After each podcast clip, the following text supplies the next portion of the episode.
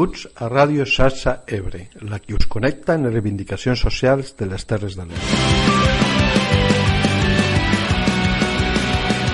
Aquí estem de nou per tractar tot el que ens preocupa en la gent que se n'ocupa.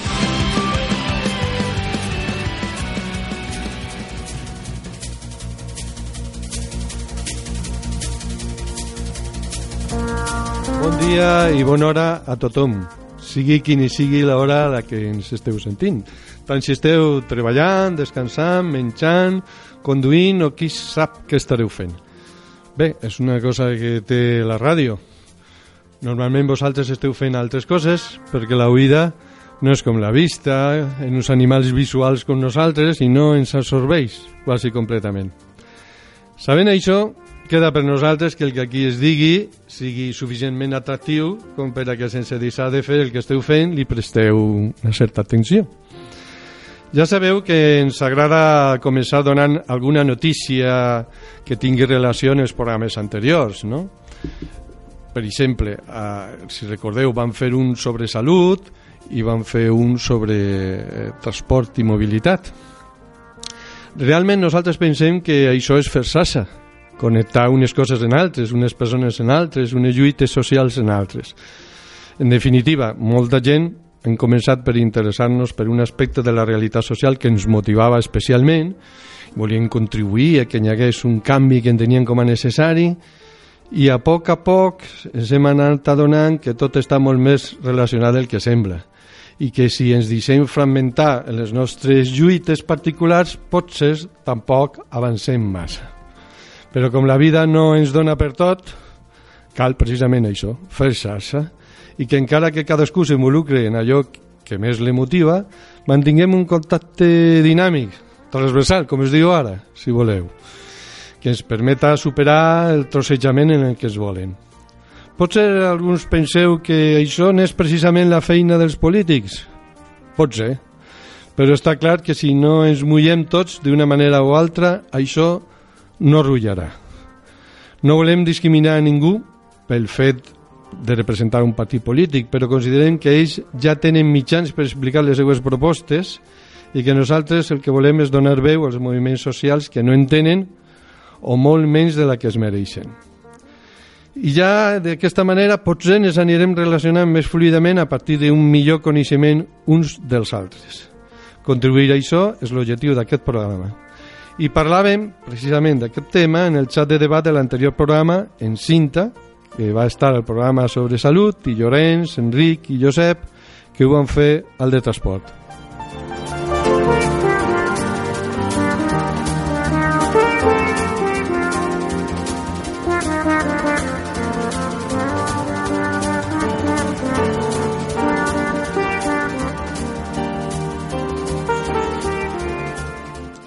Precisament sobre salut, el 20 de setembre es va reunir la Comissió de Salut del Parlament de Catalunya i el diputat de la CUP, Manuel Vidal Aragonès, li va preguntar a la consellera sobre com seria la gestió de l'Hospital de Mora, que com aquí hem comentat està pendent de passar de Gecosa, empresa privada, a la gestió d'una pública anomenada Salut Terres de l'Ebre. La veritat és que la resposta, inclosa en la que anava donant a altres diputats sobre altres temes, va ser molt parca. Simplement va assegurar que l'Hospital de Mora seria públic, literalment de nosaltres, va dir, 100%. El problema és que la pregunta del diputat volia una resposta més concreta perquè hi ha moltes incerteses i la consellera va evitar donar qualsevol mena de detalls. S'haurà d'estar molt pendents, doncs, i continuar demanant aclariments perquè sembla que hi ha moltes coses importants que estan a l'aire i que aquí hem comentat. En particular, si disposarà de recursos suficients per atendre en condicions a la gent del seu territori i evitar desplaçaments a Tortosa o a Reus quan no siguin imprescindibles. Passem ara al tema de transport i la mobilitat. Ja sabem, en més concreció, quina és la proposta que fa la Generalitat a Foment respecte a l'AP7. Una vinyeta és a dir, un pagament anual d'entre 40 i 110 euros en funció de l'ús i la contaminació. Argument per que no sigui gratuïta, com demana el moviment veïnal? El de sempre, estalvi pressupostari. Argument que sembla no tenir en compte quan tracten, per exemple, les indemnitzacions a Florentino Pérez pel Castor. A més, el delegat de la Generalitat, Xavier Pallarès, torna a proposar com a solució l'acabament del tram pendent de l'autovia paral·lela, la A7, justificant-lo en la millora de les comunicacions per a la indústria del moble de la Sènia. Pot haver una cosa més allunyada del plantejament de territori integrat que defensava Pau Avellaneda al programa anterior, trinxant-lo una vegada més? TV3, per la seva part, va dient que les Terres de l'Ebre demanen l'asset, ignorant les reivindicacions d'un moviment que fa poc es van tancar una nit a l'Ajuntament d'Amposta, abans ho havien fet a la delegació de govern, en protesta, entre altres coses, perquè es vulgui inhabilitar la Nacional 340 en un conjunt de rotondes fetes per forçar a pagar la vinyeta. L'estratègia està clara, obligar a la gent a seguir pagant a la concessionària de l'autopista. I una prova més d'això és que per fer servir la gratuïtat recentment aconseguida del tram fins a Vilafranca han bastit un sistema complex del que a més no donen la informació adient, per cert, la podeu trobar, si us interessa, a la web del setmanari L'Ebre. Hem de tenir en compte, per si fora poc, que l'AP7 ha augmentat un 134% el seu tràfic present des de la posada en marxa d'unes bonificacions contra les que es mobilitzen els transportistes. En fi, i seguint amb la mobilitat, Josep Casador, que va venir al programa per part de la plataforma de Trens Dignes, es va avisar al xat que van fer per comentar el programa que hi havia un 30 minuts de TV3, concretament el del 16 de setembre, que es deia Propera parada, Rodalies. I ahir van sentir a Montse Castellà dient Bueno, en, al cap i a la fi robar-nos temps de vida. Portem 20 anys esperant la, la famosa doble via de Vandellós-Tarragona, amb la qual se suposa que hauries de poder viatjar amb un tren directe de Tortosa o Terres de l'Ebre a, a Barcelona amb hora i 20 i no amb dues hores i mitja. Llavors, que se'ns digui que després de 20 anys esperant el desdoblament resulta que guanyarem 10-12 minuts de mitjana és molt escandalós perquè aquests 10-12 minuts que se suposa que guanyarem resulta que els darrers dos anys hi ha hagut tres canvis d'horari en aquesta línia i tots ha sigut a pitjor. Com que sempre feia tard, l'incloem a l'horari, lo fem oficial i a l'estadística surt que tot és molt bonic, però el que fan és allargar el temps de trajecte i això és fer trampa. Al cap i a la fi és robar-nos temps de vida, diu Montse, que es nota que és cantautora. Pot resumir en poques paraules la situació de desigualtat fragant en la que es trobem. Perquè, en definitiva, és del que es tracta. Uns poden aprofitar millor el temps que altres. Per això, quan alguns polítics, com ara Pere Macías, parlen del dret d'accessibilitat universal, els hem d'exigir que ho concreten en mesures que ho facin real i deixen de costat aquesta aliança de la triple A d'autopistes, aeroports i aves que denuncia la plataforma pel transport públic. Aquesta plataforma, per cert, s'ha fixat en el model en xarxa que existeix en algunes zones d'Europa i des de Múnich, el mateix programa de 30 minuts ens explicava que... Bàsicament a Europa hi ha dos models ferroviaris. L'espanyol francès, que seria línies punt a punt, i el germànic, i aquí estem en un país germànic, que és el model de la xarxa, amb el qual el viatger ha de fer correspondència, té una petita molèstia en la correspondència, però en canvi té una quantitat enorme de servei. És un model que és molt basat en el ferrocarril. En tota la regió de Múnich, el 90% de passatgers i també de l'oferta ferroviària viatgen en ferrocarril, comparativament amb el 65% de Barcelona. Aquí el ferrocarril està molt més integrat. Potser ens haurien de plantejar com a ciutadans si ens interessa reivindicar un model així, que existeix amb notable eficiència entre altres jocs europeus al nord d'Itàlia i que basat en intercanviadors de ferrocarrils de rodalies dona un servei de mobilitat a tots els ciutadans i no només aquells que poden utilitzar la triple A que hem esmentat, reservada als que tenen més diners, recordeu, autopistes, aeroports, aves. Recordem que tot això, a més d'injust, és insostenible, com ens recordava David Bravo al programa anterior. Què li passarà al capitalisme amb tota la geopolítica del petroli que ha generat tantes guerres, tants enfrontaments? Fixeu-vos l'abast que ha tingut aquesta massificació del cotxe eh, en els nostres diaris, a les nostres notícies, en les nostres telenotícies, no? I preguntar-nos una mica eh, què tenim a guanyar no? després d'això. També eh, fer-ho honestament, eh, saber que ser conscients de que encara la indústria de l'automoció genera moltíssims llocs de treball. A Espanya es calcula que és entre un 10 i un 14% dels llocs de treball que són directa o indirectament estan vinculats a, a la indústria automobilística. Com fem perquè la transició d'aquest lloc de treball cap a altres coses més sensates es produeixi de manera ordenada i equilibrada i que no sigui d'un dia per l'altre, no? Haurien de pensar, i suggeria David, en anar canviant cert tipus de feines. I dit sigui de pas, no estaria mal pensar en jocs de treball pel que ara es dediquen a fabricar corbetes o bombes. I un dels sectors en els que possiblement haurien de pensar és el relacionat amb les energies renovables, que és el tema del programa d'avui, ja que, com vereu en els nostres convidats, pot donar molt de joc al nostre territori. Però primer mirem de situar-nos en un context més general.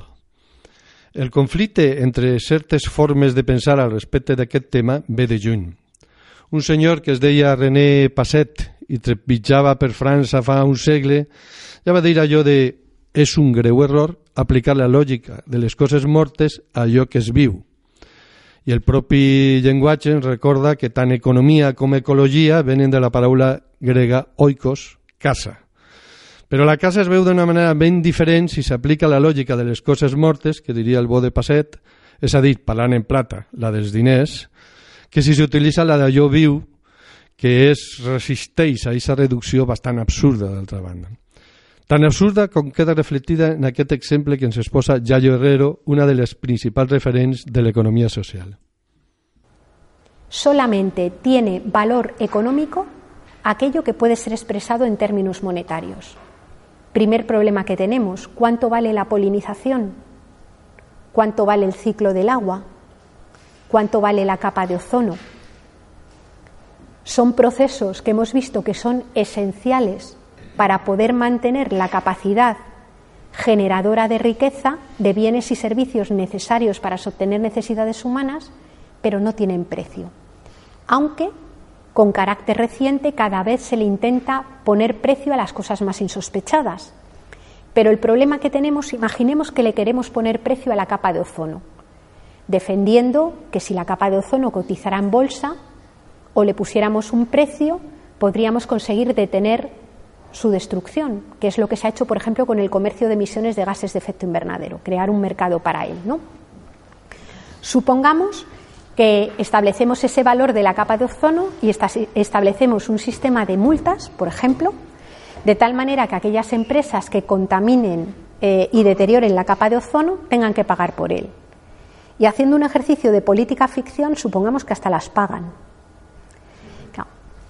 El problema que tenemos es que aunque se multiplique por 10 el valor que le hemos dado a la capa de ozono, no la podemos reparar.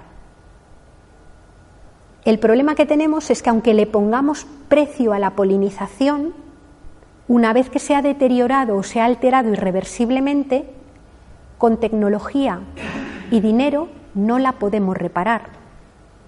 Y a los seres humanos lo que le hace falta es el servicio que presta la capa de ozono no los eh, negocios o el crecimiento económico especulativo que pueda generar la cotización de la capa de ozono. O sigui, la famosa frase el que contamina paga és un absurd propi precisament d'aplicar la lògica del mort a allò que es viu. Bé, jo ja he parlat bastant, així que li dono pas a un altre membre de l'equip, a un altre membre de l'equip, Gessamí Olesa. Bon dia, Gessamí. Com veus tu el que hem vingut comentant fins ara? Davant de les notícies que comentaves i els materials que, que hem estat escoltant, mm, penso que és important continuar fent xarxa, debatint i obrint espais de debat davant de, bueno, de lo que comentaven, que hi ha una escassa voluntat política. Per això crec que està bé conèixer les alternatives i cooperatives pel que fa al consum com bueno, esperem fer avui en els nostres companys de Som Mobilitat, Som Energia i Juanma, que ens explicarà la seva visió com a usuari. Moltes gràcies, Gessamí. Presentem precisament ara els nostres convidats d'avui.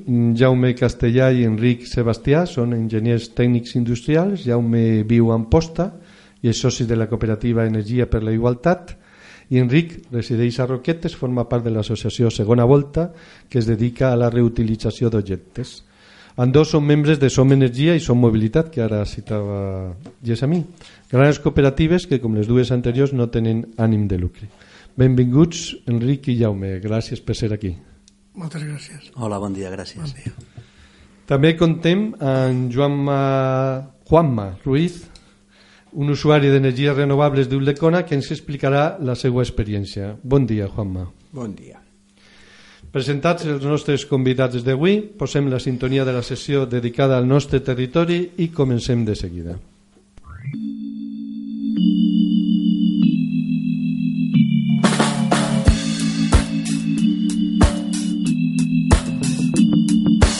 Esteu escoltant Xarxa Ebre, la que parla del que ens preocupa amb la gent que se n'ocupa.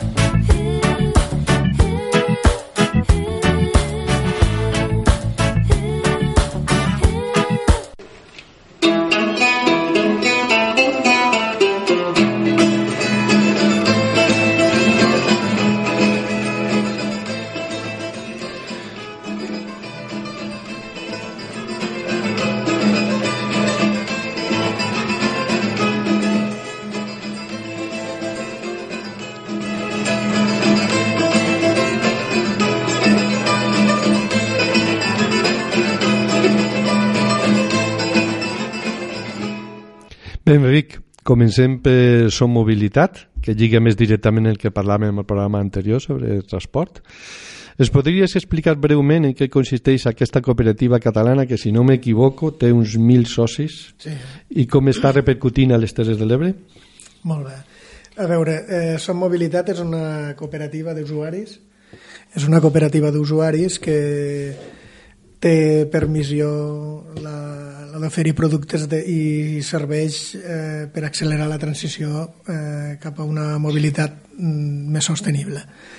Eh, a veure, és, és sense ànim de lucre, òbviament, i va néixer a Mataró amb un grup de gent que tenia un, diguem-li, una inquietud i tenia un, un problema en, eh, de mobilitat, diguem-li, i, i va creure que la solució per a, per a, per a resoldre'l era compartir un vehicle i sobretot compartir un vehicle elèctric. Eh, mm, primerament, lo, lo, la, la filosofia de la cooperativa és que el primer que hem de fer és caminar, si no anar en bicicleta, transport públic i finalment és lo de compartir un vehicle amb, amb aquesta, amb aquesta diguem-li, amb aquesta jerarquia. Eh, los dos pilans que, que, en què es mou són mobilitat és primerament crear comunitat eh, lo de compartir un vehicle i el de compartir i de, i, diguem-li, el de, i de fer partíceps d'aquesta mobilitat crea com- crea un comunitat, crea uns lligams en la gent, crea fa que les necessitats i les d'uns i pugues, o sigui, les necessitats i, els, i les, eh, diguem-li, eh, eh, bueno, mm, Els ara no desitjos, la paraula, o- sí, sí, entre necessitats i, i, i solucions, diguem-li, se- se- se- s'entrelliguen i una cosa resol la de la, el problema d'un resol lo d'un altre i l'altre pilar seria mm, lo d'oferir, bàsicament, que és, és l'essencial de la cooperativa, oferir serveis per a una mobilitat més sostenible.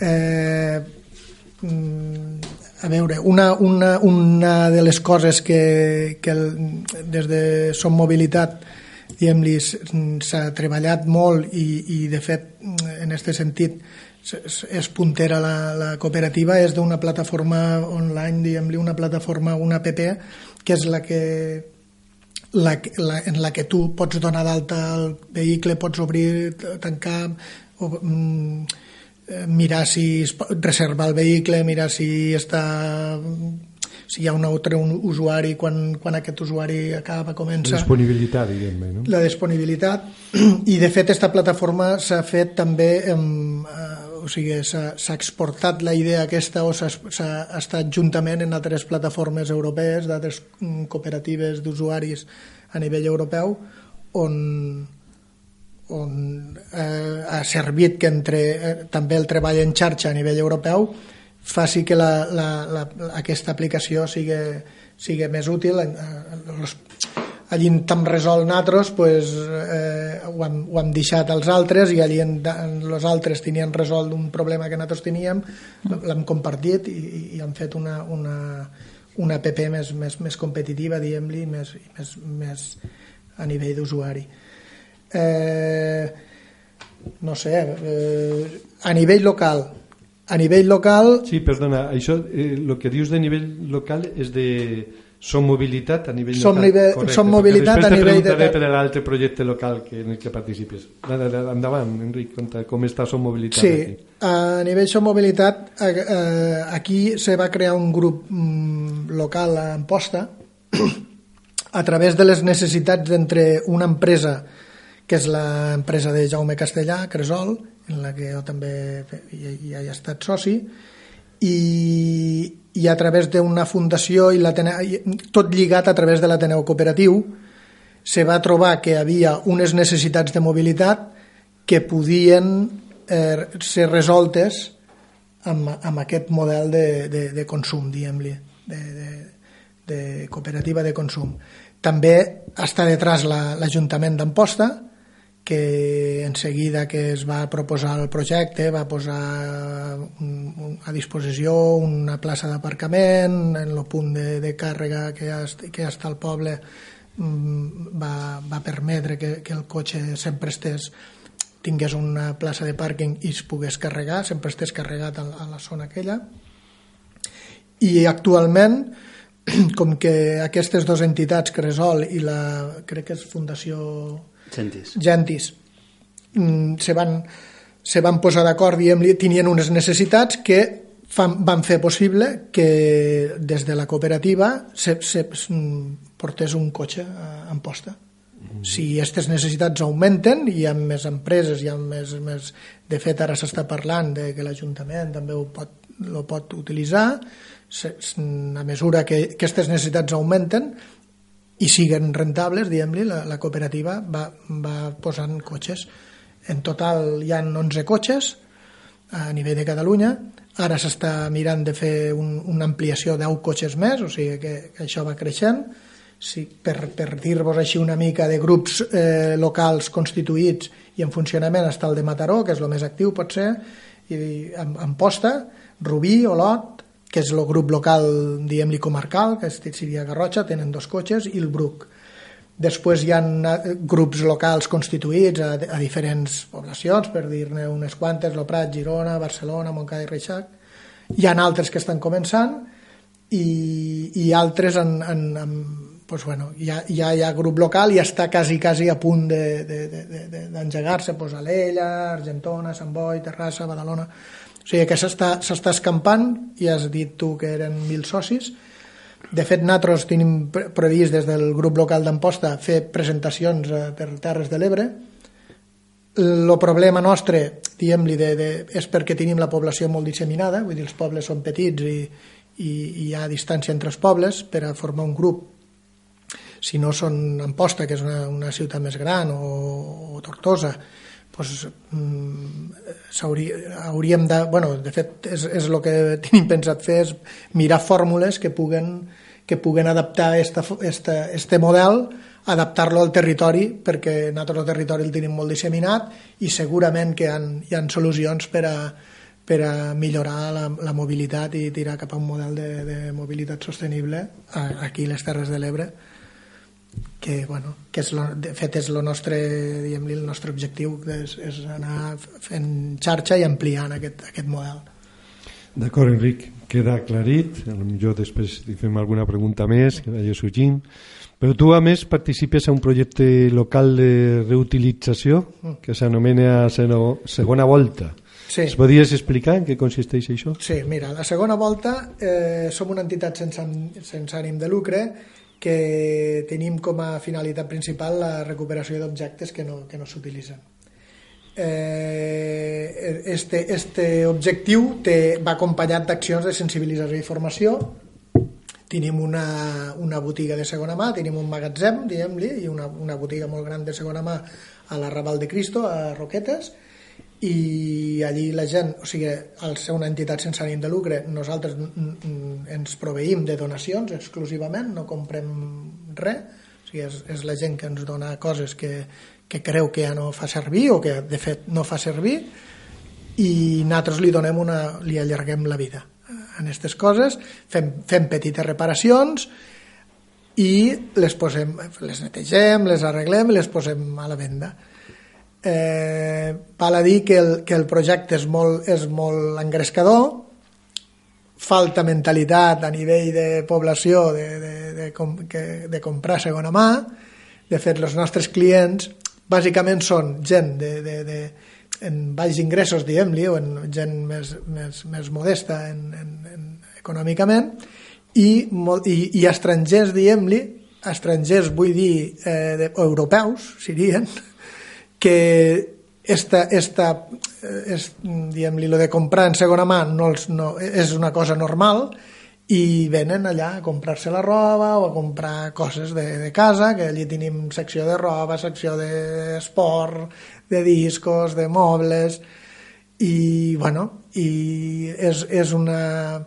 Mos, a veure, nosaltres tenim, tenim convenis amb l'administració per anar a veure més que res per, per, per poder accedir a les deixalleries, per, per tindre també inputs econòmics que, perquè el, lo, lo, o sigui, el, el model aquest pues, és un model de subsistència, diguem-li. Estem fent moltes hores de voluntariat perquè si no, no, no dona, diguem-li. Hi ha també moltes botigues, hi ha molta botiga de segona mà, de totes maneres és una competència relativa, perquè les botigues de segona mà es fan compra-venda i, i bueno, també sí que els objectes pues, també estan més, són més cars, és, és una altra història, però bueno, també tot s'ha de dir, nosaltres si posem coses, a, hi ha coses que posem a la venda que estan molt bé i n'hi ha altres que ja, ja ho posem allà. Pues no, un radiocasset que només funciona el casset només funciona la ràdio o funciona el casset i el CD però la ràdio no i tenim clients perquè hi ha gent que té aquesta necessitat de dir, pues no, jo vull un traste que només en què vagi el CD jo ja, ja està. Ja, ja ho dic jo per fer con, exemples concrets per a visualitzar per a visualitzar-ho. Eh, després pues, bueno, no sé eh, és, és un projecte que està ara fa 5 anys que, que ara farà 5 anys d'aquí dos mesos farà 5 anys que es, que es va engegar. Això es va engegar a través d'una iniciativa d'una persona eh, que holandesa, crec, Margarita Wessels va, va, va engegar aquest projecte, el va fer públic, van, van començar vuit socis, actualment som tres, perquè doncs, bueno, és això, és un projecte una mica de subsistència i, i doncs, bueno, la gent va entrant i va sortint, que és lo normal als projectes d'aquest tipus. Tenim voluntaris, eh, acollim doncs, bueno, estem també en, en serveis socials també tenim, també tenim contacte per, per, per acollir bàsicament voluntaris de, de, per anar integrant gent al, al mercat laboral i, i els acompanyem un, un, una temporada diguem-li per, a, per a que puguin fins i tot tenim voluntaris europeus. I aquests pues, cada, cada any estan sis mesos en natros i, i bueno, en una altra realitat també aprenen una mica els dos idiomes que parlem i tal vull dir, bé, és, és, bueno, en resum és un projecte molt engrescador que invito a la gent eh, d'aquestes terres que, que mos visite perquè es quedaran sorpresos del munt de coses que, que, que hi ha eh, i, i, i, i el bonica que tenim la botiga i el gran que és i, i, i el ben exposat que està tot. És, és una cosa que, que és curiosa que la gent quan ve pues, queda així una mica parada del, del, del, del gran que és i del munt de coses que hi ha interessarà o no interessarà el que tenim al, al comprador al moment però ja tindrà aquella visió de que, de que, de que és, la, és una manera, diguem-li, de, de, de, de, de reducció energètica, de, de, bueno, de reciclatge, és, no cal dir-ho, no? És, és la vessant ambiental que, que tot això comporta. Gràcies, Enric. Molt interessant. Crec que aniré a visitar-vos. Esteu, esteu a Roquetes? Sí. A, Home, estem... pots dir la, la, pots dir l'adreça, sí, eh? que aquí a... no farem publicitat de Danone i de Coca-Cola, però... No sé si podeu dir. pues, no, això està la, al Raval de Crist, al polígon Nancedor, eh, està molt ben indicat, o sigui, a l'entrar al Raval de Cris, una vegada passes el canal, ja tenim un lletrero que posa segona volta i, i hi ha dos indicadors que, que és, és molt fàcil estar dins del polígon. No? I el polígon aquell és, té tres carrers, o sigui que és, és molt fàcil no, no, trobar-nos. No Com se diu el polígon? Polígon d'Encedor, industrial d'Encedor que és l'antiga era un antiga era un antic complex de, de, de fabricació de fusta i això. També ho heu reciclat. Sí, sí molt bé, està reciclat, el complex industrial està, està com a reciclat. Sí. Bueno, i tu, Jaume, per la teua banda, no? participes en un projecte que es diu Energies per la Igualtat, no? Podries dir què hi ha darrere d'aquest nom tan suggerent? Sí, bueno, bon dia. Um, és un projecte empresarial, és a dir, nosaltres realment som una cooperativa sense ànim de lucre, però donem serveis a les empreses com qualsevol enginyeria, és un projecte que és la fusió de dues empreses. Eh, com ha dit Quique abans, jo fa 10 anys que formo part d'una cooperativa de treball que es diu Cresol, una cooperativa que, que érem tres enginyers d'aquí de Terres de l'Ebre i ens dedicàvem a, bàsicament a, quan la vam crear fa 10 anys a, a canviar el model energètic actual que tenim. De fet, el nom és Cresol Solucions Energètiques Locals, perquè pensàvem que el model d'energia que tenim a, al nostre país estava obsolet. No? Estem parlant de fa 10 anys, vam muntar l'enginyeria enfocada de cara a, l'eficiència energètica i a la implementació d'energies renovables i aquest projecte actualment s'ha transformat a, a MEPI. Eh, EPI és la fusió de Cresol, que és una cooperativa de Terres de l'Ebre, i una enginyeria que està a Rubí, a l'àrea metropolitana de Barcelona, i la fusió d'aquestes dues empreses ha donat una cooperativa que és sense ànim de lucre, vale? és a dir, és una, és una empresa de l'economia social. Què vull dir amb això? M'explico. És a dir, nosaltres pensem que l'economia social és el model perquè les coses, el, la, societat, la societat de consum en què vivim, el capitalisme, eh, és evident que és perjudicial, si més no, per la gent com nosaltres, no? que l'únic que volem és treballar, ser feliços, fer grans els fills i que el, el, el país no? I, i la terra que deixem, els nostres fills, sigui una mica millor que la que tenim. Llavors, des de les cooperatives pensem que és un model que precisament el que fa és eh, doncs, consolidar aquests valors. Llavors, ho dic perquè nosaltres pensem que totes les empreses eh, poden tenir aquesta perspectiva, és a dir, nosaltres ens contracta tot tipus d'empreses, és a dir, nosaltres treballem per administració pública, treballem per ajuntaments, Ajuntament d'Amposta, de Tortosa, un munt d'ajuntaments a Terres de l'Ebre, som també proveïdors de Diputació de Tarragona, som proveïdors de Diputació de Barcelona, és a dir, que, i, a més, i treballem per empreses privades, treballem per multinacionals que no tenen en absolut aquests valors que tenim nosaltres. Però el que sí que tenim molt clar nosaltres és que podem muntar empreses que tinguin la perspectiva que el model a seguir és el de deixar un món millor, és a dir, guanyar-nos la vida sabent el que sabem fer, en el nostre cas som enginyers, ens dediquem a implementar energies renovables, estalviar energia perquè les empreses siguin més competitives, però a més a més ho estem fent des de la perspectiva que el nostre objectiu no és guanyar molts diners, sinó canviar la societat en aquest sentit. Nosaltres eh, fa un any i mig que estem funcionant, EPI, el nostre objectiu és dedicar tots els beneficis després de pagar les nòmines de tots els treballadors i de pagar doncs, el lloguer, el telèfon, com fa qualsevol empresa, la diferència és que els beneficis no ens els repartirem entre els socis, sinó que els dedicarem a temes socials. Actualment la nostra decisió és poder fer un tema de, de pobresa, treballar en temes de pobresa energètica perquè és el nostre sector i el coneixem i sabem que és un problema greu a Catalunya, tot i que els, mitjans, els grans mitjans de comunicació ara sembla que en comencen a parlar una mica, però no és un debat que estigui sobre la taula, però el fet de que hi hagi un oligopoli en el nostre país, unes empreses molt grans com Endesa, Repsol, eh, Gas Natural, el fet de que tinguin tants beneficis acaba repercutint a, a, a la societat. En aquest sentit, eh, som una consultoria energètica com moltes que hi han, no ho fem ni millor ni pitjor que els altres, la, la, la, el nostre fet diferencial és aquest. El nostre objectiu no és eh, fer molts diners, sinó és poder canviar aquest model i democratitzar el sistema energètic. Gràcies per les explicacions, Jaume. Hem deixat per al final mm, vosaltres dos participeu en un projecte que encara que darrere catalana s'ha estès per tot l'estat i compta en 50.000 socis que es diu Som Energia. Podríeu, podries fer Jaume cinc cèntims de què en treballa aquesta cooperativa, que és la seva idea, què fa?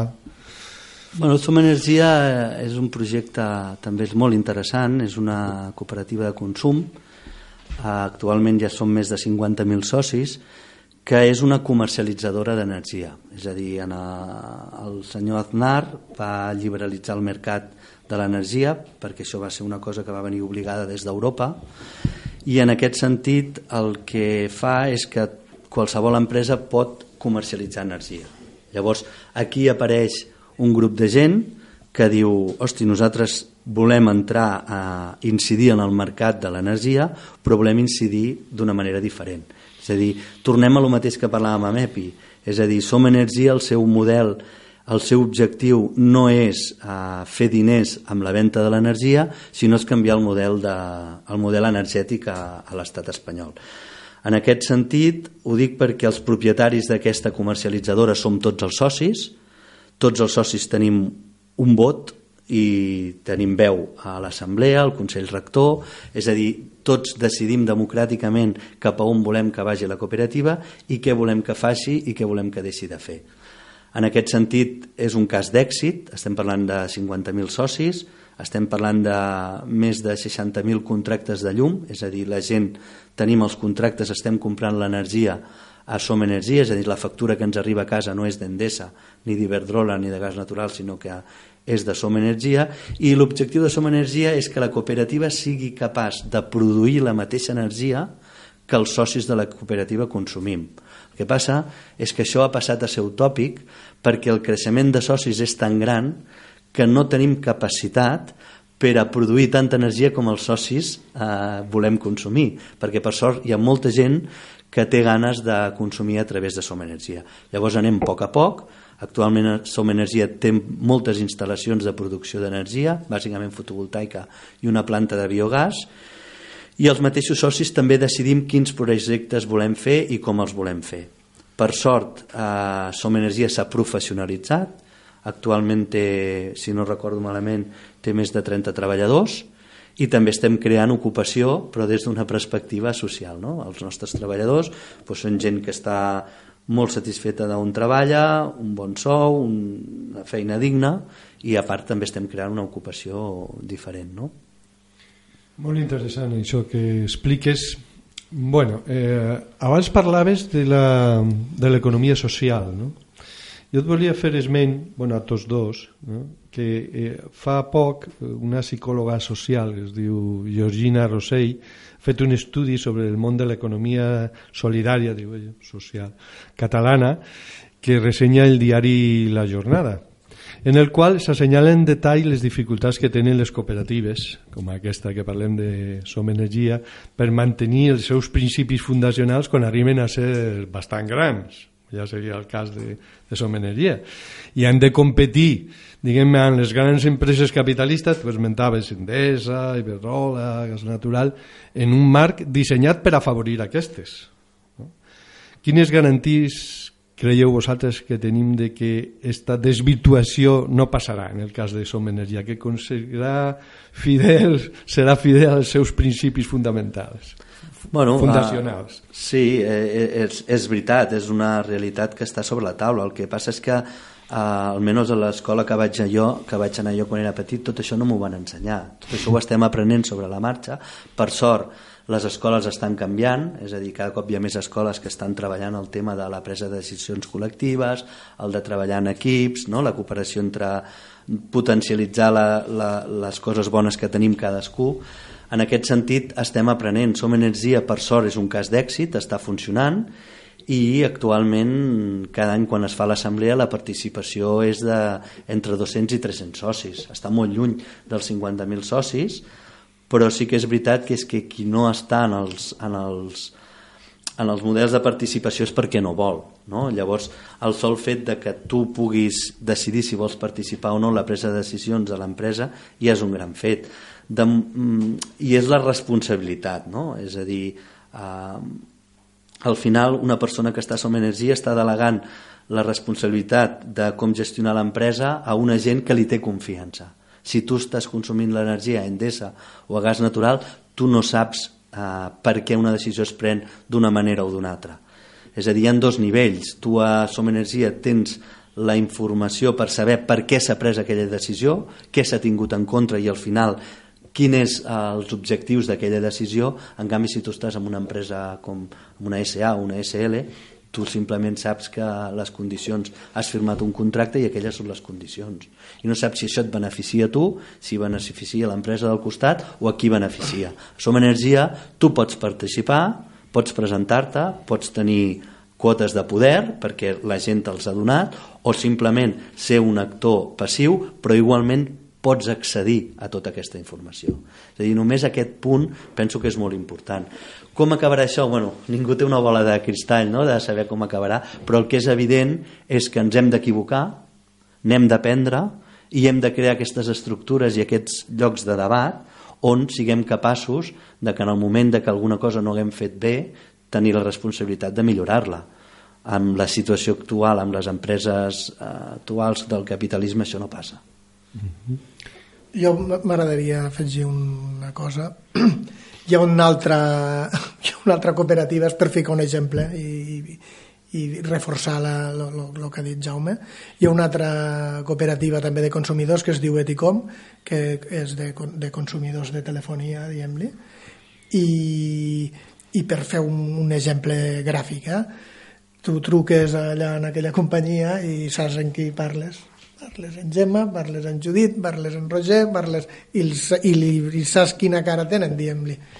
Potser et, costa, potser et costa un euro més al mes, però este euro té un valor, diguem-li, mm, que no té el valor de quan tu tens un problema, tots n'hem tingut problemes en les telefonies i tot això, que et surt allà una persona o un robot o...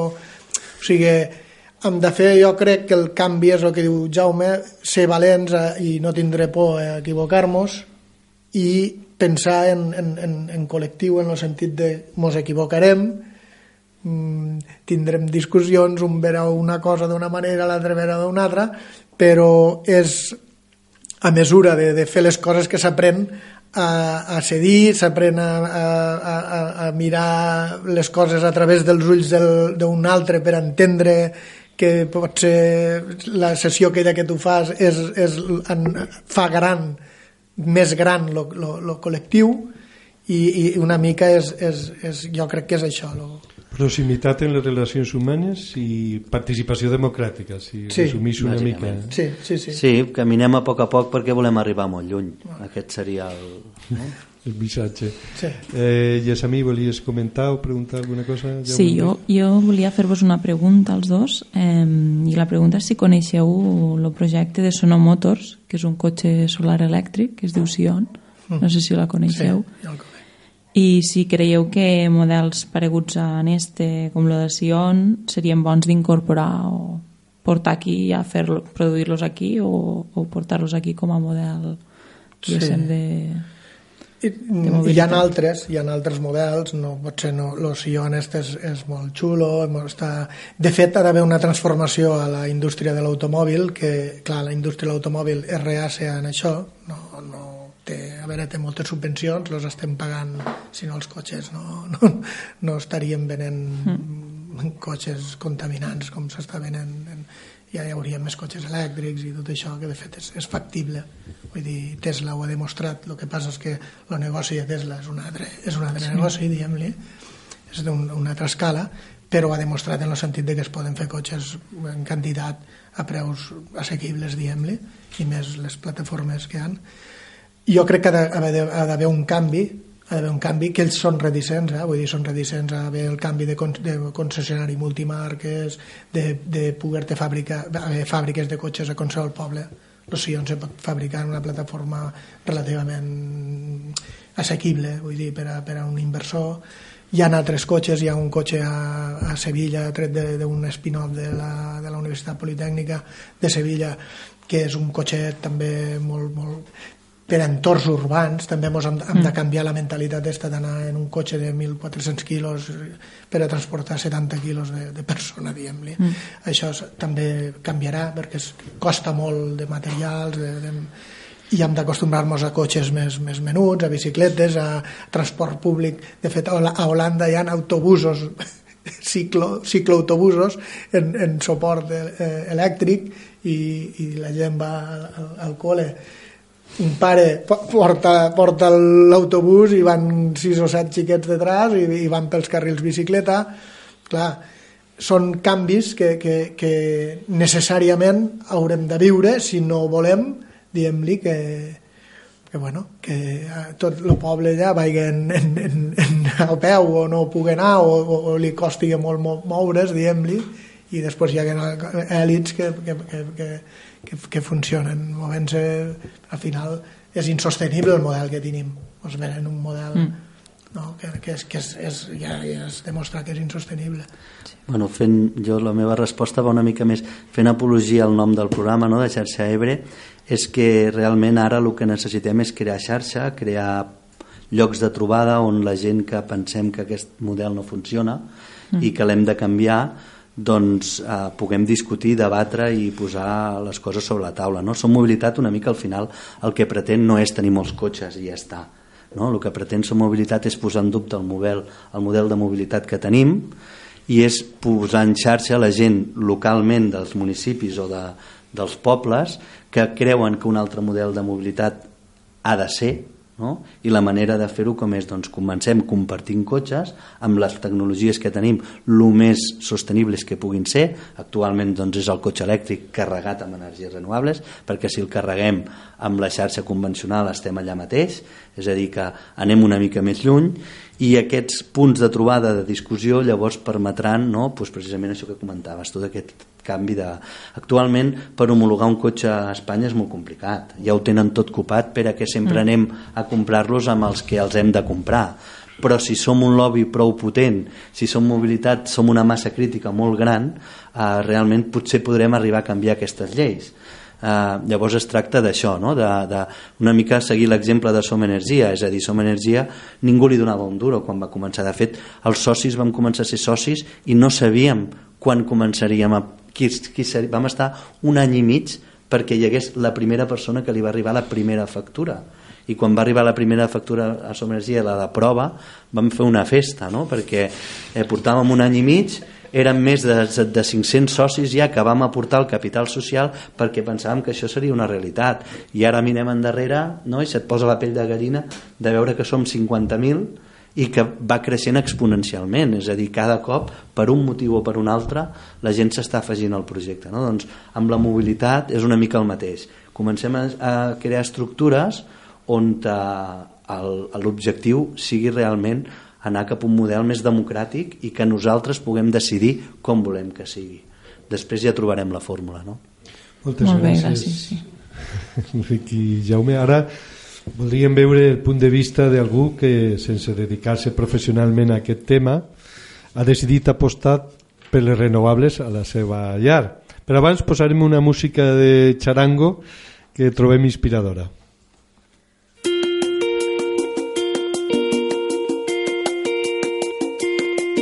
Vaig fer l'esforç d'entendre-ho, però la trucada es va tallar per formar part dels que rendeixen aguantat. I a cops m'entren els nervis si una porta s'està obrint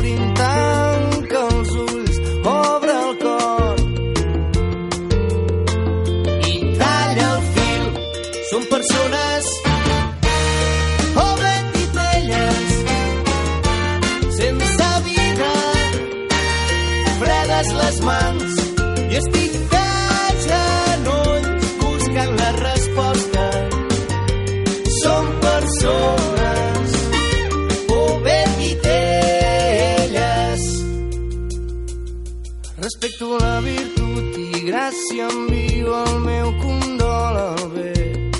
Abraço a l'amor i l'ànima sempre ho han fet millor que bé. Tant temps de devoció i fe m'han ensenyat tot el que sé. Dóna'm sort, vull dir adeu. M'has de deixar marxar. Som persones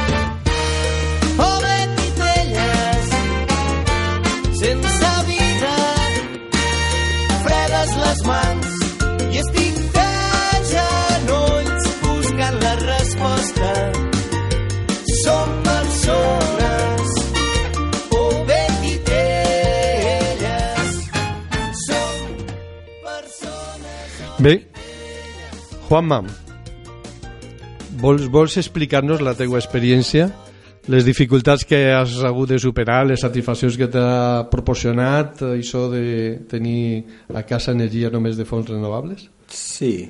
Eh, i, eh, bueno, jo tinc una instal·lació ara fa uns 20 anys, però fa més de 30 anys que estic desconnectat de les màfies estes elèctriques. eh, I estic molt content.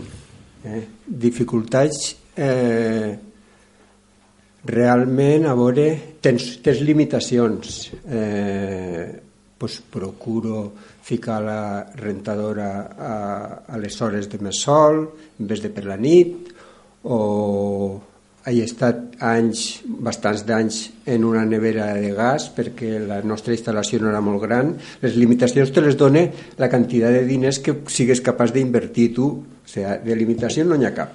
La limitació te la, te la posa eh, l'economia. Mm. perquè pots fer eh, instal·lacions que, que siguin capaces de, de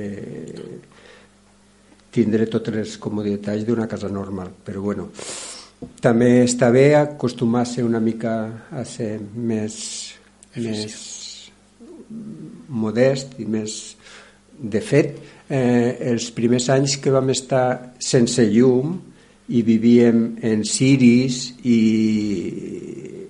i en, en molt, molt poques comoditats. El recordo sempre en una mica d'enyorança perquè, perquè van ser molt bonics també eh? i bueno, no sé mos hem quedat una setmana sense llum en estos 18 anys perquè va estar 10 dies o 12 núvol que aquí pues, és una cosa totalment eh, estranya eh, no sé, tenim en vez de tindre o sigui, tenim totes les bombilles de leds doncs t'adaptes una mica a, a, a les possibilitats que té la teua instal·lació. No calentem res perquè calentar les coses en llum és un, un desperdici, es tira, tira energia, el transformar l'electricitat en calor és un desperdici Eh, bueno, Vicent ha dit que no me dedico professionalment i no és del tot veritat perquè eh, faig estufes de massa tèrmica eh, que, que és, Ah, pues explica-ho, explica-ho. Sí. Jo sabia que tenies una a casa, no sabia no, no, que també me dedico, feies... me dedico a fene, sí. Ah, molt bé, molt bé, pues eh, explica-ho. bueno, me dedico entre altres 50.000 coses.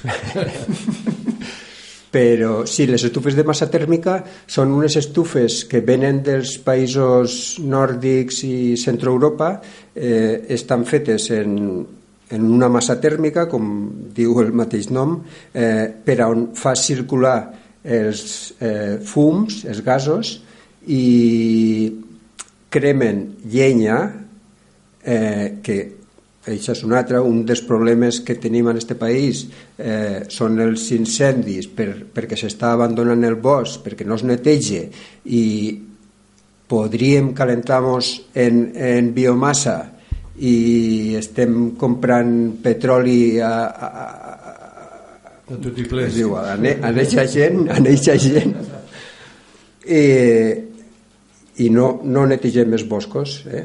Bueno, pues, la qüestió és que aquestes estufes en una combustió de dues hores eh, són capaces de calentar els 4 o 5.000 quilos que pese eh, la massa tèrmica i va soltant després el calor a poc a poc pots fer un sofà i, i el sofà està calentet o bueno, pots fer moltes coses se poden adaptar a, a mil formes i mil Mm -hmm. Bueno, molt, molt interessant, Juanma. Mm. I jo precisament volia aprofundir en una cosa que ja s'ha anat, anat indicant, no? Deixant de banda esta gent que tingui molts diners per fer una superinstal·lació, parlem de gent normaleta. Eh, molt pocs diners, eh, si, si estàs disposat a pues, fer un, uns certs sacrificis mm, Ahí està, o sigui, cal, Sí. cal canviar una mica els costums, Claro. que ja els vindria bé, no? Però... Sí, cal canviar una mica els costums. Nosaltres, per exemple, els electrodomèstics sempre mirem, quan comprem una batidora o, o algo, que no tinga més de baix dels que podem nosaltres... La meva instal·lació, la meva en particular, bueno, que la meva té 2.000 watts i en realitat no, no hi ha problema. Però sí, tens que adaptar-te una miqueta. Tens que adaptar-te una miqueta.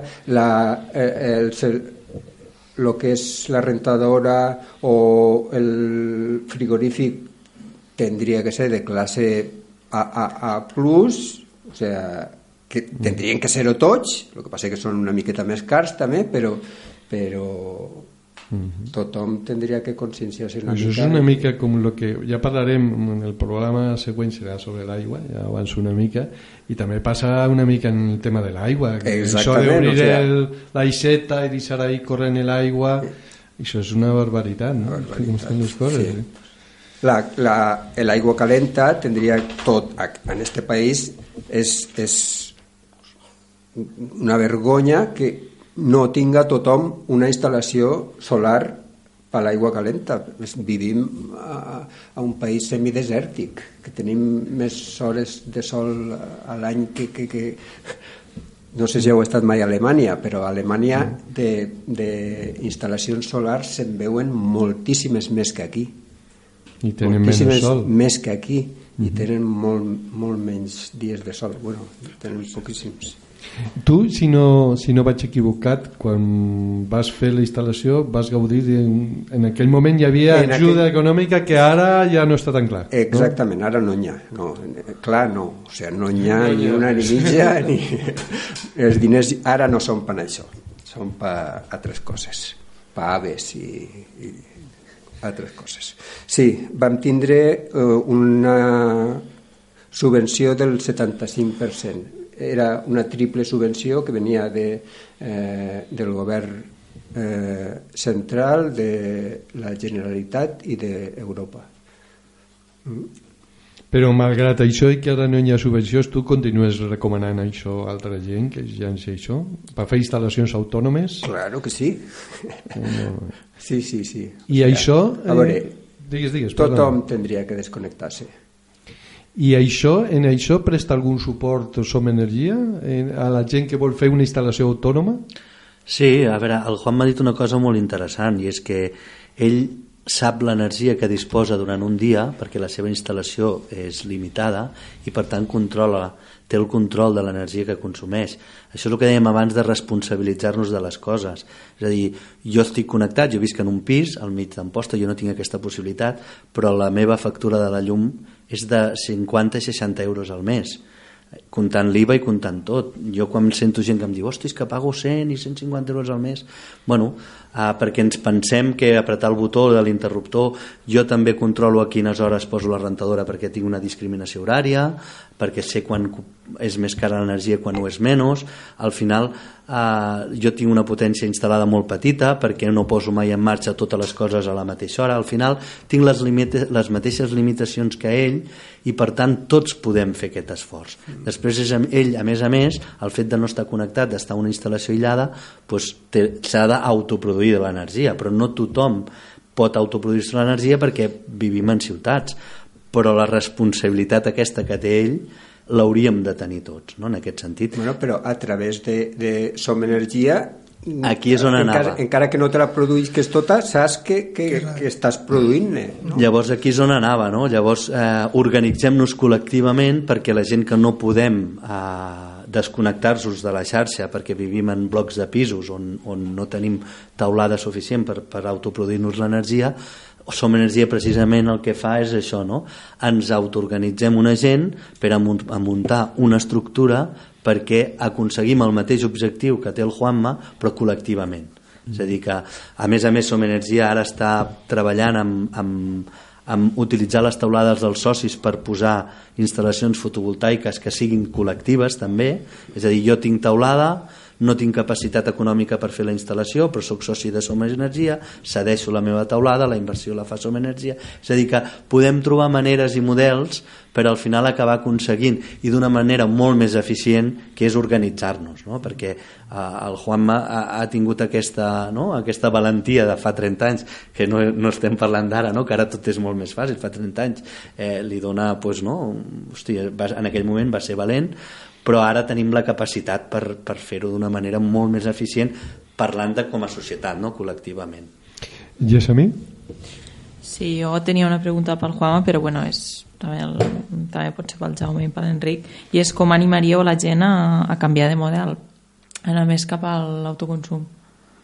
Com animaríem? Sí. Jo, jo els animo a tots, sí. no només a que canvien de, de model, sinó que canvien de vida. Eh? Que treballen en el que els agrada, que deixen de... sí, o sea, a veure, eh, pagant esta gent, esta gent a les companyies elèctriques hi han llistes per ahir per internet 40 exministros està Felipe González, eh, Aceves, eh, Manuel Marín, eh, Elena Salgado, n'hi de tots els colors, del PNV, de CIU, de, de tots els colors, eh, consejeros delegados, consiglieri, li diuen a, a Sicília, consiglieri, eh?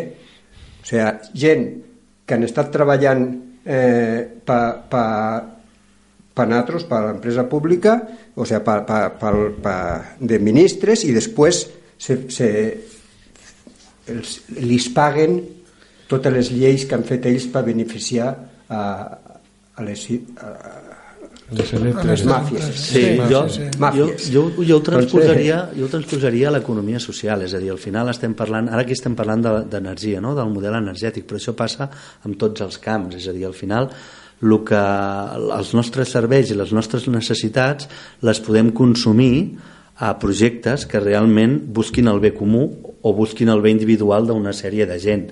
Amb el tema energètic, a més a més, eh, està molt clar per lo que estava dient el Juanma, no? és a dir, tots els exministres que han fet les lleis afavorint aquestes empreses després tenen una recompensa quan surten de la política i es posen en les seves estructures com a consellers com a, no?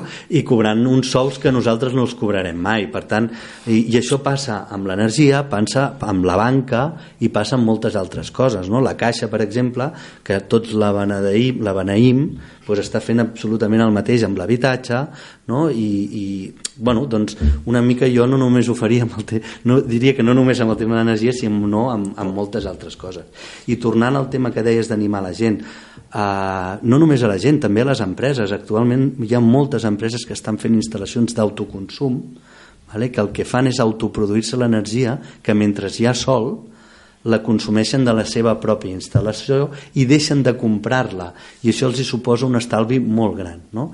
i la llei espanyola també amb aquesta màfia que diem que hi ha, el que ha fet ha sigut intervolir aquest món perquè la gent es fes enrere. Oh, L'impost al sol i actualment això és mentida. Per ficar por al cos.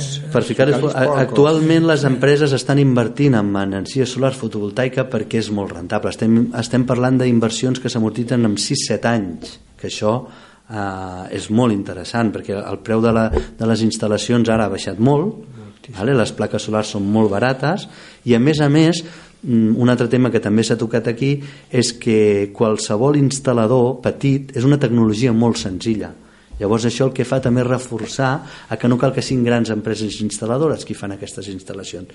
És a dir, les, els instal·ladors de tota la vida poden aprendre a, a, a instal·lar aquesta tecnologia i això també repercutirà localment a la gent del nostre territori. Llocs de feina. Llocs de feina qualificada i a més a més a, a, amb, amb un rerefons que és una cosa bona per a tots. Mm -hmm. Per cert, no, digues, no, volia afegir una petita cosa, jo també soc com el Juanma, fa 15 anys que, que visc aïllat de la xarxa i, i, el que, i per animar la gent lo, lo, lo principal que ha de fer la gent és, és, és el que deia Juanma, és gastar menys llum. Això és lo principal. Una vegada gastes menys llum, te planteges comprar la llum, la poca que gastes, eh, si, si vius en un pis en, en som energia per exemple i si vius al camp perfectament te pots fer una instal·lació. Eh, avui en dia han baixat molt les plaques les, sí que les bateries tenen un cost és el que, lo que té el cost més elevat però tot això també va canviant. I per exemple per, per lligar-ho en la mobilitat mm, s'està parlant de que a les, a les ciutats els cotxes elèctrics seran els que carregaran, o sigui, fins i tot fer usar el cotxe elèctric per a subministrar-te a casa part del, del... I de fet aquí hi ha un, hi ha un negoci que ja, ja se l'estan veient tots, tots els tiburons que estan rondant pel, pel, pel, pel mar, diguem-li, per este mar, que és fins i tot tu poder vendre l'excés d'energia de, de, que tens al teu cotxe. Tu vas en un aparcament públic de no sé on, diguem-li, i tu enxufes el teu cotxe i tu saps que, per exemple, de dir, puc limitar el cotxe a tants... De dir, jo per a, per a tornar a casa necessito esta energia i el resto lo puc vendre a la xarxa i allò és un... se queda a, a un saldo favorable eh, per al... Clar, tot això després ja verem perquè tot això haurà intermediaris i tot això. Això és molt bonic a nivell particular, que tu pugues mm. tindre el teu sí, cotxe. Sí. De fet, les bateries dels cotxes elèctrics tenen una segona vida, perquè un cotxe elèctric quan té el 80% mhm. de bateria s'acaba la vida del, del cotxe i aquestes bateries són per a, per a nosaltres, diguem-li, per a Juanma i, jo, i tothom que viu en autònom. És, és molt factible, són molt potents i com que és una segona vida són, són més assequibles.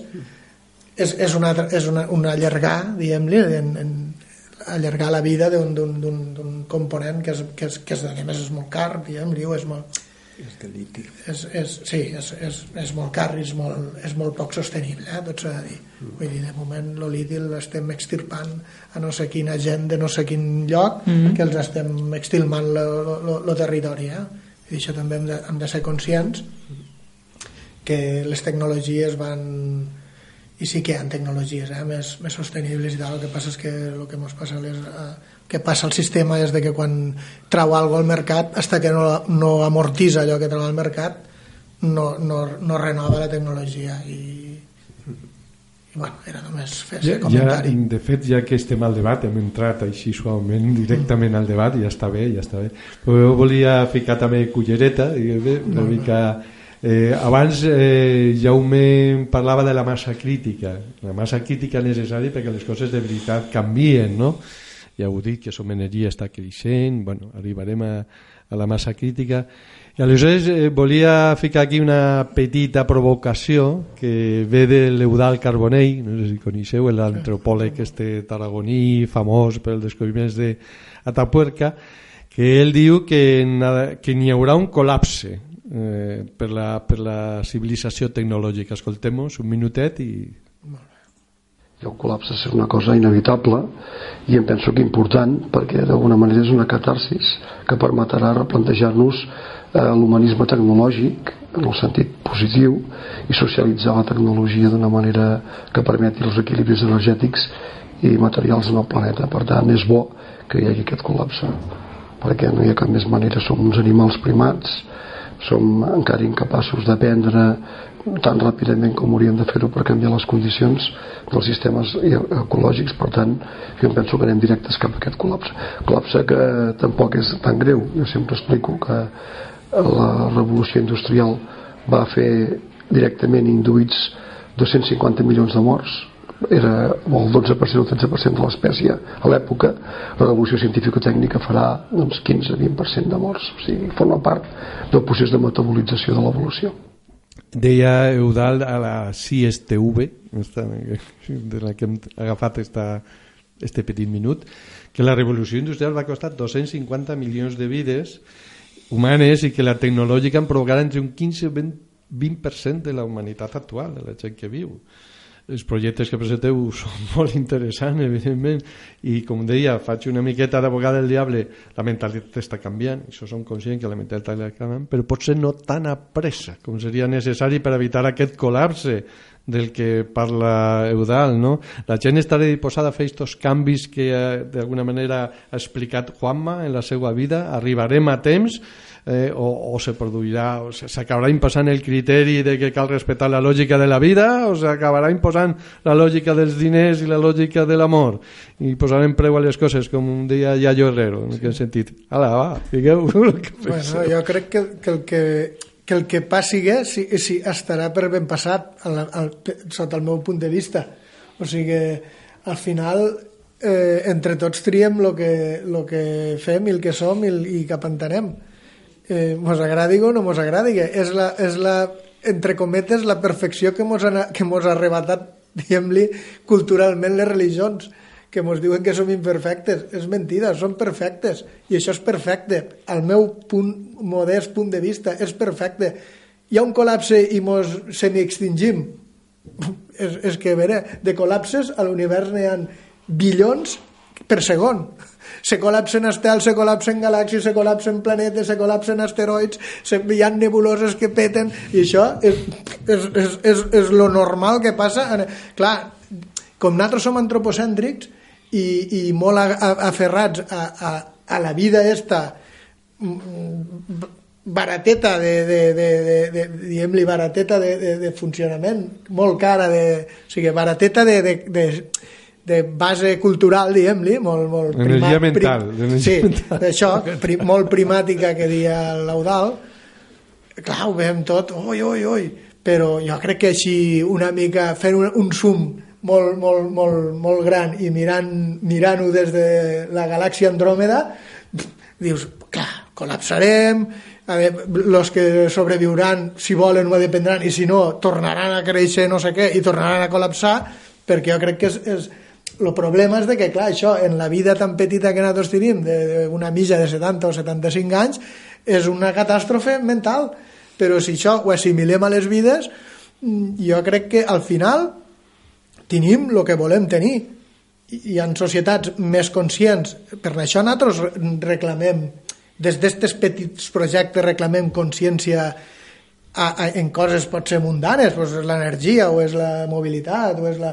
però la consciència de ser ja et dic, jo crec que és la meva modesta opinió la consciència de ser més, o sigui, superior i també plantejar-nos aquests valors i crec que assimilar-los al final perquè tampoc eh, jo crec que si les coses que fem les fem en, en, en alegria pues bueno, mos morirem rient. Si, si mos hem de morir dient-li que, que col·lapsi el planeta, pues bueno, és que no, jo crec que no, no, no tenim... Tenim alternatives, anem construint petites alternatives i aquestes alternatives no vol dir, a veure, no són finalistes ni són solucions. De fet, eh, l'altre dia vaig escoltar, i acabo en això, a Bandana Shiva, la física mm aquella índia, i aquella dona eh, eh, al·lucinava perquè dia com pot ser que els enginyers estos geo no sé què vale? que volen fer coses per a canviar els núvols de no sé què pujar un cable a 20 quilòmetres de dir, però que són bobos pues, cap a este s'inverteixen milions i milions i milions d'euros de, de, cap a coses que són solemnes burrades però absolutament borrades. En canvi, aquesta gent està a la cúspide de la, de la, de la ciència i, i, i, i bueno, hòstia, són els millors tecnòlegs del món i estan, per al meu entendre, és més fàcil deixar de consumir petroli deixar d'anar canviant el model que inventar-se un núvol d'un cable de 20 quilòmetres que farà no sé què. Si això, si, si això té... I, bueno, és aquella dona que és, que és que, que dia que, que estem estem bojos en aquest sentit d'invertir diners en coses que és més fàcil, a veure, és més fa... en tots els diners que s'inverteixen acabes la fam del món, acabes un munt de, de, de misèries que, que, que convivim i que les veiem normals, diguem-li i acabo en això. Honestament, jo penso que el que diu l'Eudal és cert, no? És a dir, anem més ràpid eh, cap, on, cap al col·lapse que el que la gent som conscients no, del, del que està passant el que passa és que també arriba un moment que com que tampoc ho podem canviar, al final ens hem de sentir bé cadascú amb el que fem i com ho fem i, i el que és evident és que cada cop som més gent que tenim ganes de fer les coses d'una altra manera. Llavors al final és tan fàcil com que en comptes d'ajuntar-nos els que pensem que les coses s'han de fer d'una altra manera, organitzar-nos i viure amb aquest canvi, no? i viure nosaltres i, uh, i amb el nostre exemple pues, que empoderar i anar sumant gent i, i simplement fer això i viure, uh, intentar viure pues, amb, amb, amb certa coherència, no? perquè al final el que et fa feliç, que és el que deia el Juan Mamans, no? que tothom treballa del que li agradi, no? que tothom faci... Pues és una mica deixar d'intentar que el riu a on et porti, intentar parar-te una mica, pensar què és el que et sent el que et fa sentir més viu, més còmode i, i més lliure, no? i a partir d'aquí pues, tirar endavant amb, amb aquest sentit.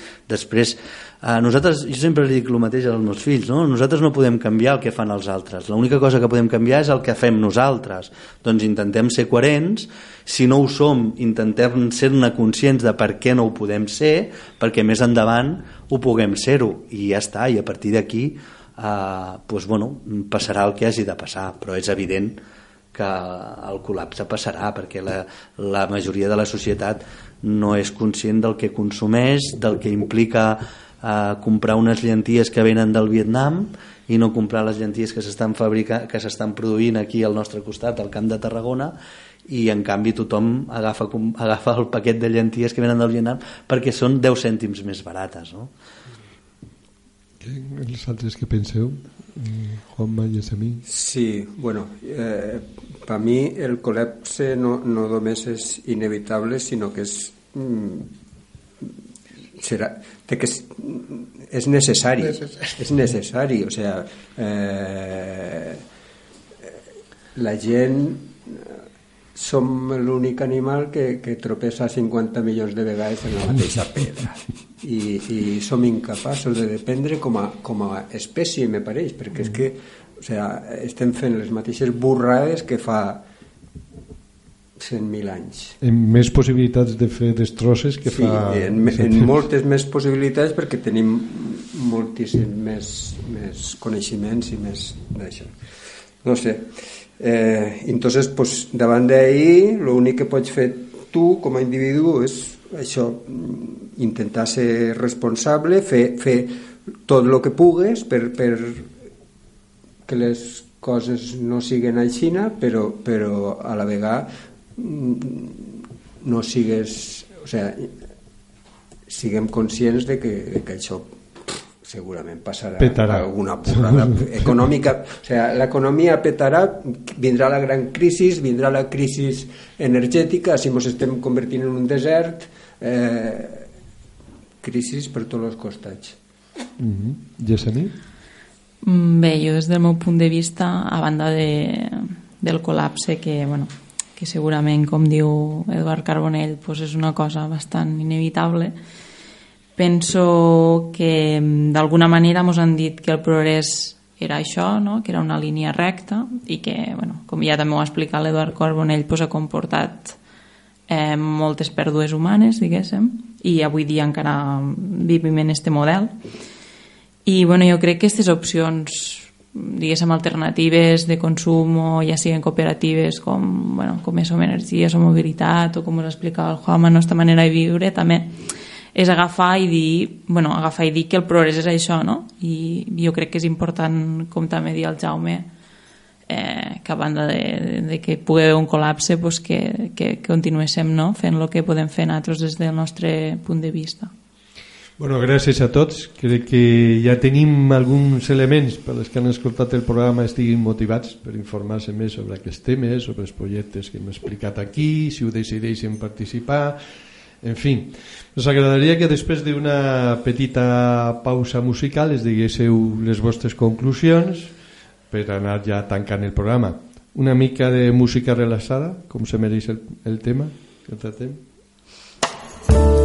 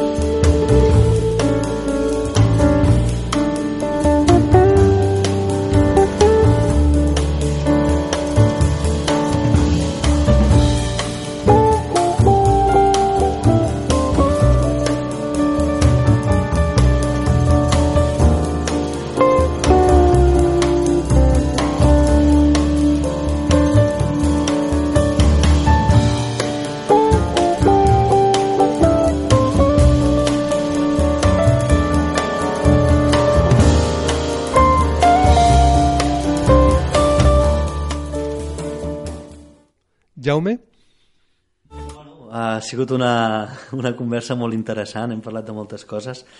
Bueno, a mi m'agradaria recalcar eh, bàsicament que totes les, les iniciatives que hi ha a Terres de l'Ebre de, sobre economia social i cooperativisme s'estan aglutinant a través de l'Ateneu Cooperatiu de Terres de l'Ebre, que està en posta.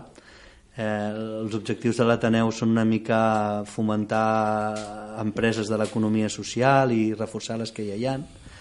Som Mobilitat, de fet, ha arribat a Terres de l'Ebre gràcies a l'Ateneu, que van, van provocar una xerrada i a partir d'aquí vam ser capaços d'organitzar-nos entre una fundació, una cooperativa de treball, el fet de tenir un cotxe compartit no? i començar a treballar aquesta iniciativa que és molt interessant i bueno, més que res empoderar la gent a que si pensa que aquestes coses són interessants doncs dedicar-li una mica de temps uh, i veure doncs, a quina d'aquestes opcions es pot anar sumant perquè realment a Terres de l'Ebre tenim un potencial molt interessant, tenim un territori que està dintre del que cap molt verge, tenim mar, tenim muntanya, tenim naturalesa, Uh, hi ha grups de consum de productes ecològics, hi ha el tema de cooperativa, s'està parlant de cooperatives d'habitatge també uh, des de l'Ajuntament d'Amposta, pues, animar a tothom no? a, a que segurament hi ha alguna cosa que li, que li caça no? amb el seu dia a dia i és un món que també és,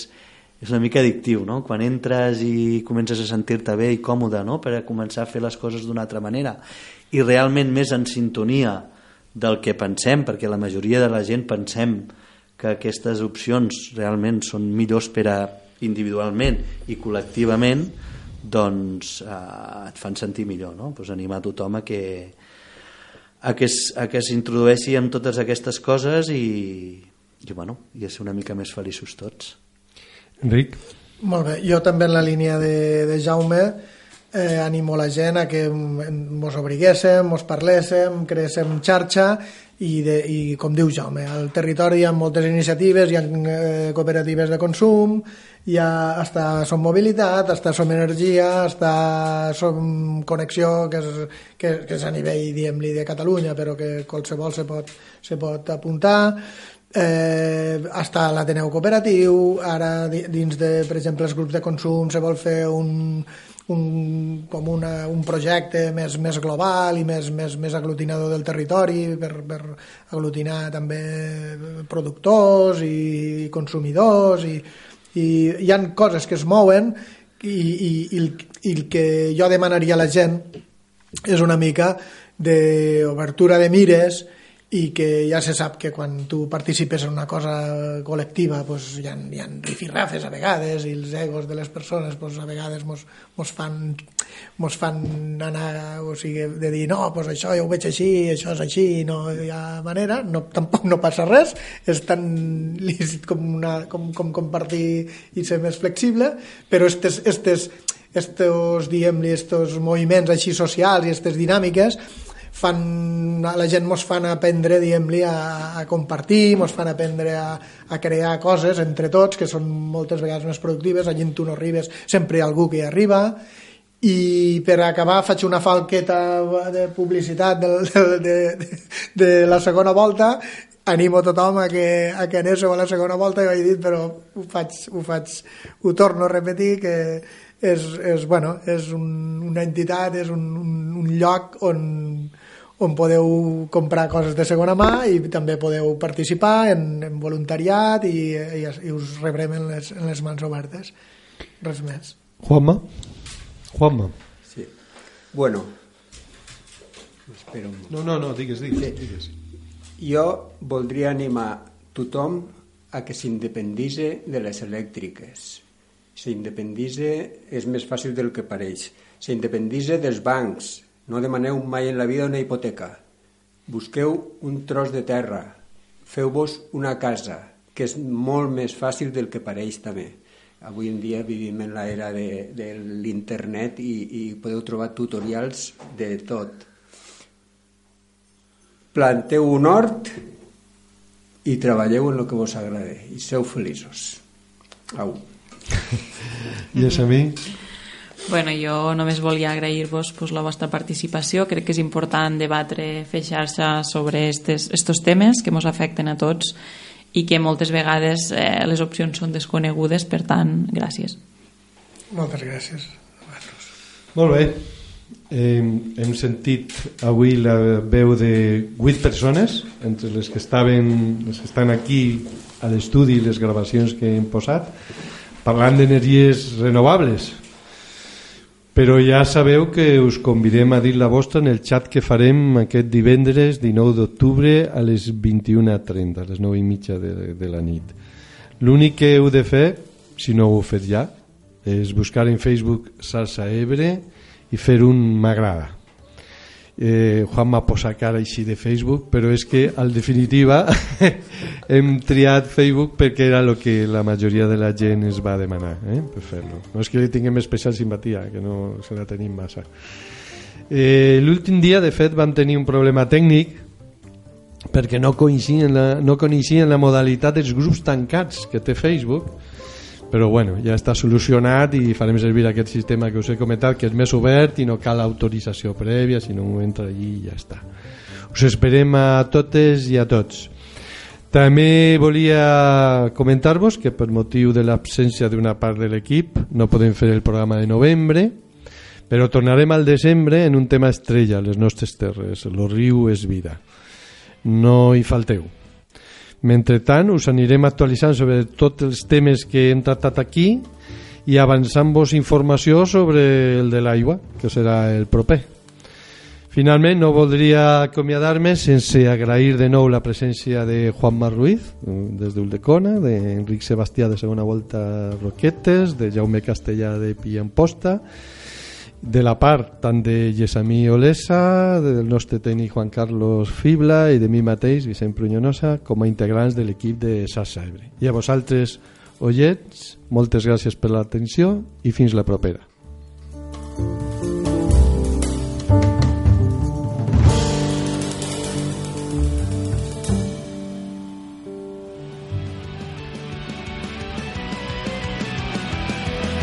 T'esperem a la propera emissió de Xarxa Ebre. Ens trobaràs al WordPress, al Gmail, al Facebook, al Twitter, a l'iVox, sempre en aquesta etiqueta, Xarxa Ebre.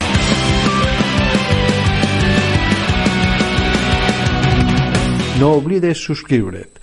Sabràs els temes, les dates i les convidades dels propers programes, així com quan es faran els xats de debat, on contem en tu.